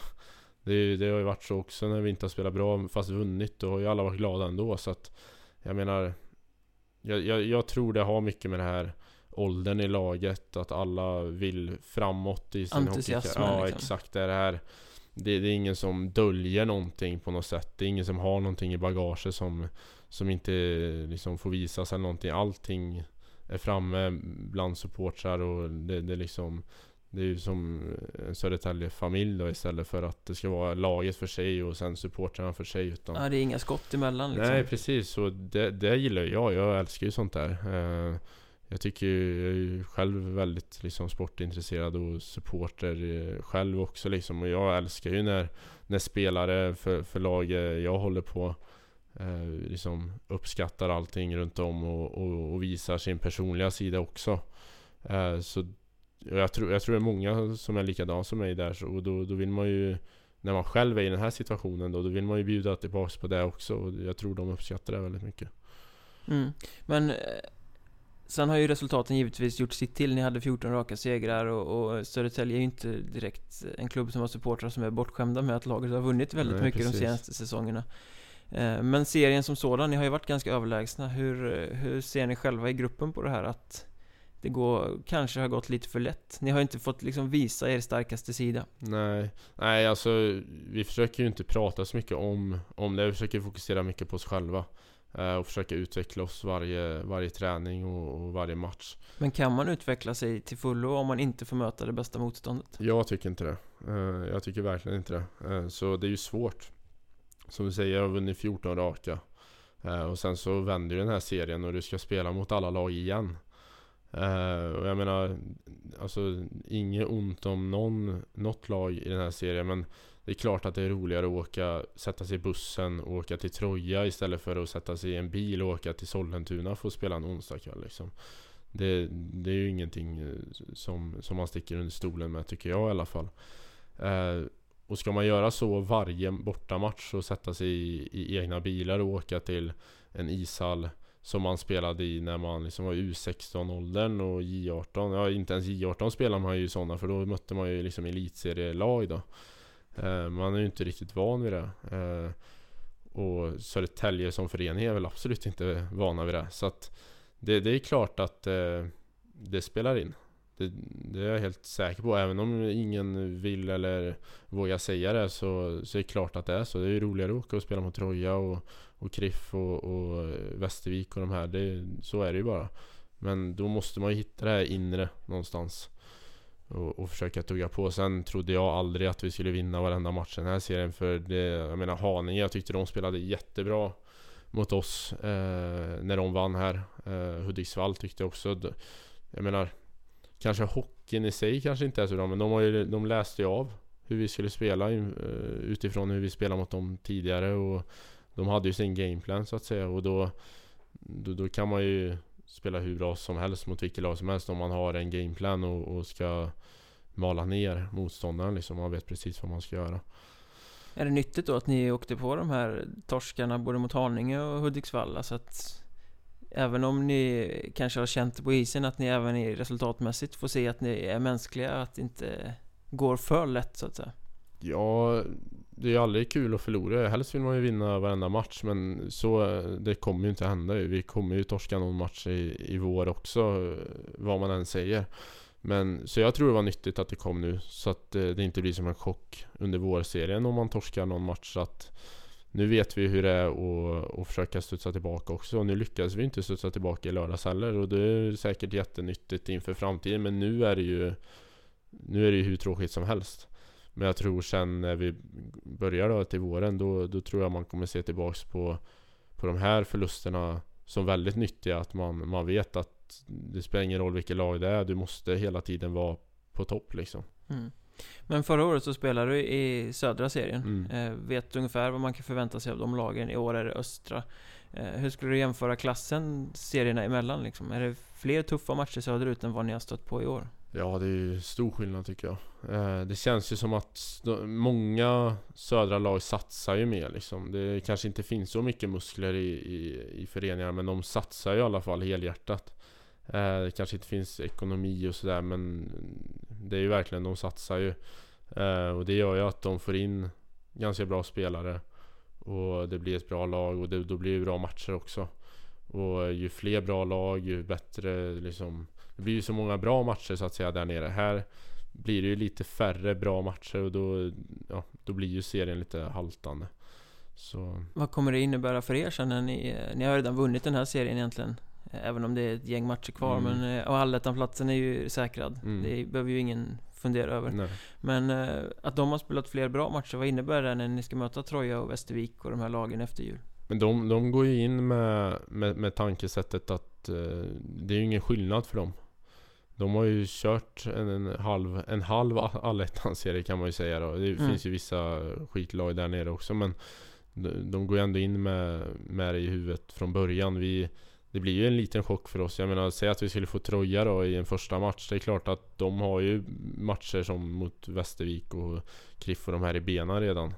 Eh, Så det är klart att psykiskt så är det ju säkert eh, en, en, en vinst för dem att ha spelat bra matcher hela tiden. Men jag menar, ja, och, och, jag, jag är i alla fall en sån som tänder till direkt. Jag behöver inte någon så här inkörningsperiod på, på bra motstånd.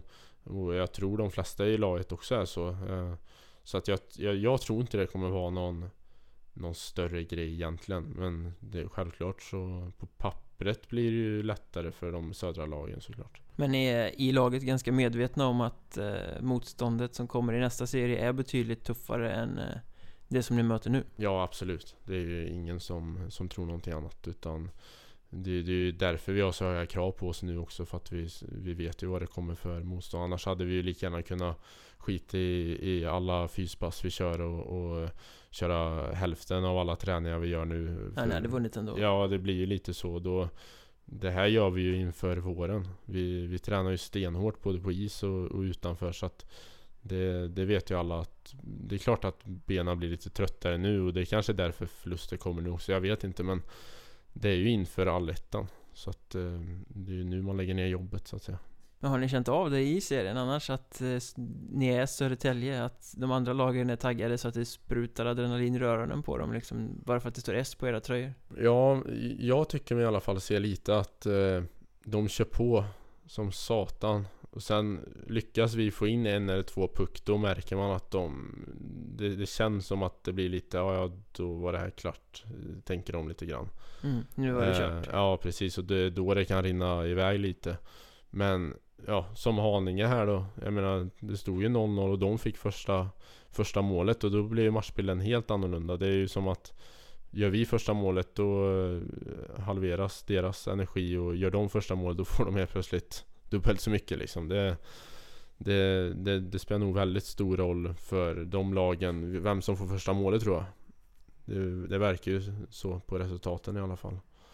Så nej men absolut, det är väl lite årets match för dem. Det har de väl sagt själva också många lag att det är årets match och de marknadsför ju det ganska hårt, många lag. Så att eh, så är det absolut. Men ni är ganska, inte bara skickliga spelare, det är ganska mycket tjuriga vinnarskallar i laget också. Eh, har jag förstått. Så hur, hur har det låtit nu i, efter två raka torsk? Ja, det, det, ja, det är ju klart det inte är kul att torska liksom. Det, det är ingen som tycker. Sen så märker man ju på, på vissa att det tar hårdare än på andra. Jag menar Brattenberger som vi har som han, han kan ju inte ta en förlust. Det, han, han har det lite svårt. Är det lagets sämsta förlorare? Ja, ja, ja, ja det måste det ju vara. Han, eh, han har ett humör som... Eh, ja, han kan ju inte ens släppa in en puck på träning liksom utan att skälla ut någon.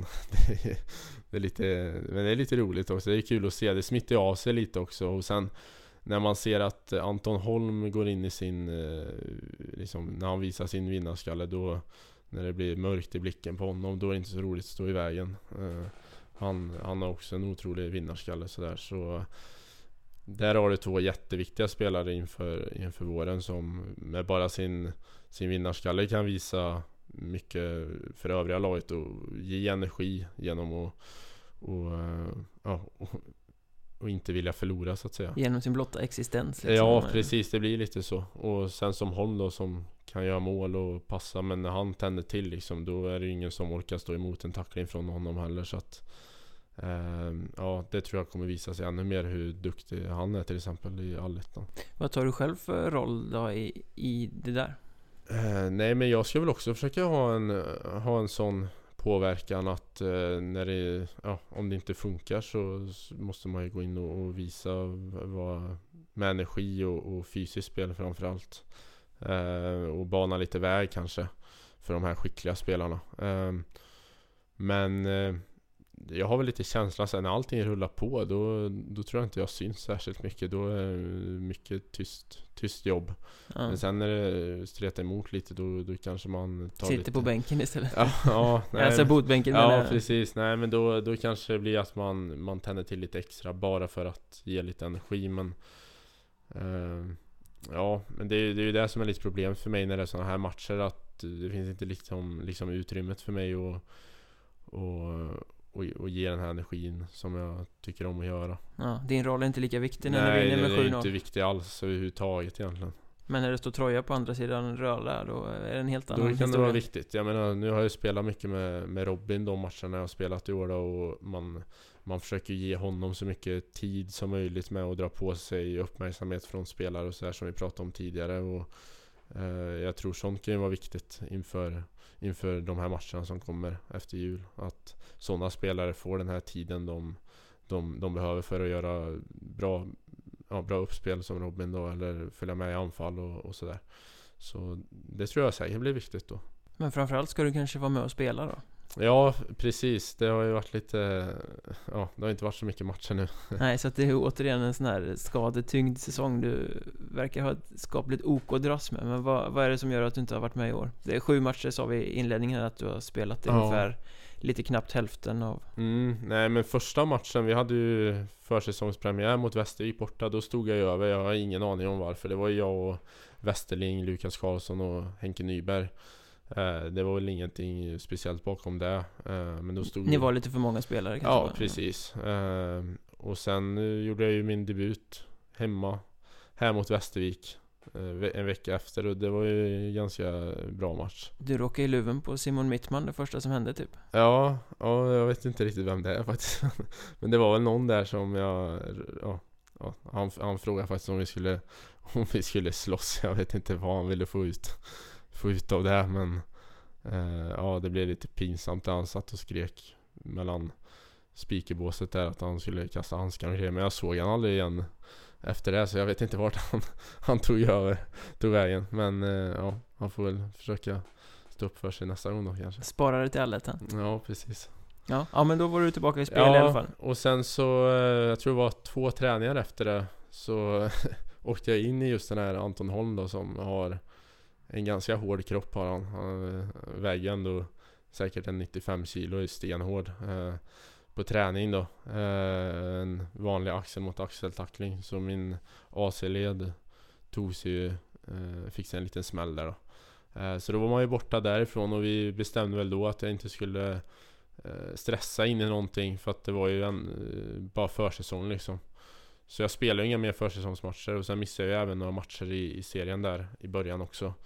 Uh, men den, ja, den blev ju bra och jag fick ju träna på lite där. Uh, sen spelade jag ju, vad blev det, sex matcher eller någonting uh, tror jag. Sen så tog jag och Mats ett beslut. Jag hade fått några smällar mot, mot nacke och rygg då. Under de matcherna och träningarna. Så vi tog ett gemensamt beslut att jag bara skulle träna, träna upp där och ja, få bort alla skavanker. eh, Så att man är helt redo inför allettan istället för att sitta och, och eh, ja, bli, bli mer, mer och mer skadad under den här serien då och sen ja, vara halvskadad i, i allettan. Eh, Så nu har jag ju kört på. Jag har kört ett, ett gympass varje morgon innan jobbet. Liksom vid kvart över sex, halv sju liksom varit uppe och kört. Så jag har fått eh, eget eget program då av eh, vår fystränare eh, I princip varje dag eh, och sen så har jag stått över alla matcher då eh, och, och, och bara tränat på isen och vi har kört extra på isen, jag har Mats också för att Få igång lite snabba fötter och, och bli bättre med spelet med puck och, och försöka bli Ja, en lite mer en allround back istället för det här jättedefensiva tänket då eh, Så vi har jobbat på det och sen så skulle jag ju tillbaks här mot mot eh, Vallentuna borta. Då lyckades jag ju bli sjuk. För jag åkte på en feber där i några dagar och sen så var jag med mot Hudiksvall här. Det blev väl lite för eh, tätt inpå då för nu fick jag ju bakslag igen här så jag har haft feber i två dagar igen. Så eh, ja, så nu man, står man över ikväll igen mot Tierp. Så ja, det har varit en liten hackig höstsäsong kan man väl säga. En ganska hackig karriär så här långt överhuvudtaget Ja, skulle jag vilja säga Men verkligen. eh, är du ovanligt ömtålig eller har du bara otur? Nej, Jag tror inte det är något av det. Jag tror det är eh, min... eh, Mitt huvud egentligen som tänker att man eh, kanske väger 90 kilo istället för För sina ordinarie 83 pannor liksom. Det vill säga det är spelstilen, du sätter dig i situationer som sliter på kroppen mer Ja, det var, ju som, det var ju det som Philadelphia sa till mig också att eh, jag spelar som om jag vägde 100 kilo men eh, liksom Jag har ju inte det. Det är klart att jag blir skadad då när man åker in i med full fart i folk utan att riktigt tänka på sig själv då. Eh, och då medför ju det här skador. Och sen har det varit lite otur också. Som de här knäskadorna har ju bara fastnat i isen med foten och det har vridit till liksom. Så det har varit lite Lite otur men samtidigt ganska mycket hänsynslöshet mot sig själv kanske. Men hur jobbar du med det då? För ska man lägga handen på hjärtat så Karriären kommer ju inte bli särskilt lång ifall du ska vara så här skadad varje säsong Nej, det... Ja, jag försöker ju jag försöker bygga på mig så mycket jag kan för jag vill ju egentligen inte ändra mitt spel. Eh, jag vill ju inte bli... eh, Ja, jag vill ju inte lägga ner mitt fysiska spel bara för att kroppen ska må bra liksom. Utan jag vill ju... eh, Jag vill ju hellre bygga på mig och komma upp i de kilorna som jag behöver och styrkan jag behöver för att kunna spela spelet. Och, Eh, så det är väl det jag var på. Det är ju samma där. Nu är det svårt då under säsong att att göra det. Men nu har jag fått tiden av Mats då utan att behöva känna någon press och stress. Eh. Så att eh, det har hjälpt mig väldigt mycket nu. För att känna mig redo. Och sen, jag menar det är ett långt juluppehåll och man får ju mycket tid.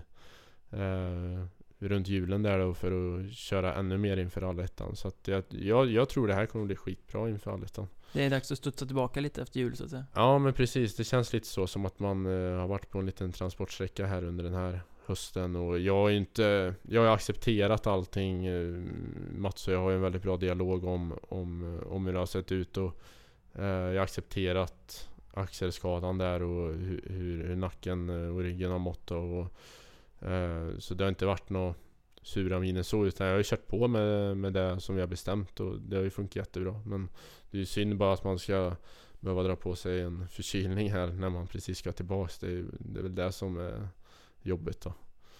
Men om vi förutsätter att du lyckas bygga på dig, att du får ordning på skadorna, att, eh, liksom, att du blir hel och frisk och kan spela på, på den nivån som du vill, så att säga. Du, nu är du inte särskilt gammal, du gör din andra säsong i Hockeyettan, har ett USA-äventyr bakom dig. Var liksom tänker du dig att det här ska ta vägen, rent karriärsmässigt? Eh, nej men det är svårt för det känns ju ändå som att Alltså har det blivit draftad en gång? Det var ju som sagt bara tre år sedan.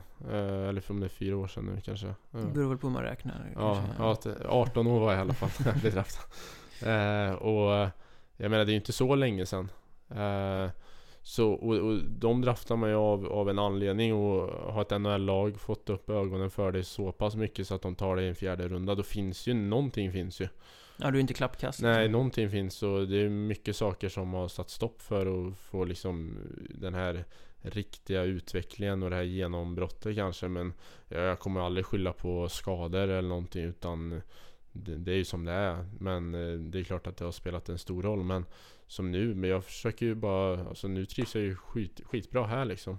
I Södertälje och jag jag menar, det är perfekt nära hem till Karlstad och nära till Stockholm. Man kan hitta på saker och nära upp till Gävle som jag bodde i fem år och eh, Staden i sig är ju hur skön som helst och, och allting runt om klubben är ju också hur bra som helst. Så att eh, just nu så skulle jag ju vilja stanna här och följa med upp.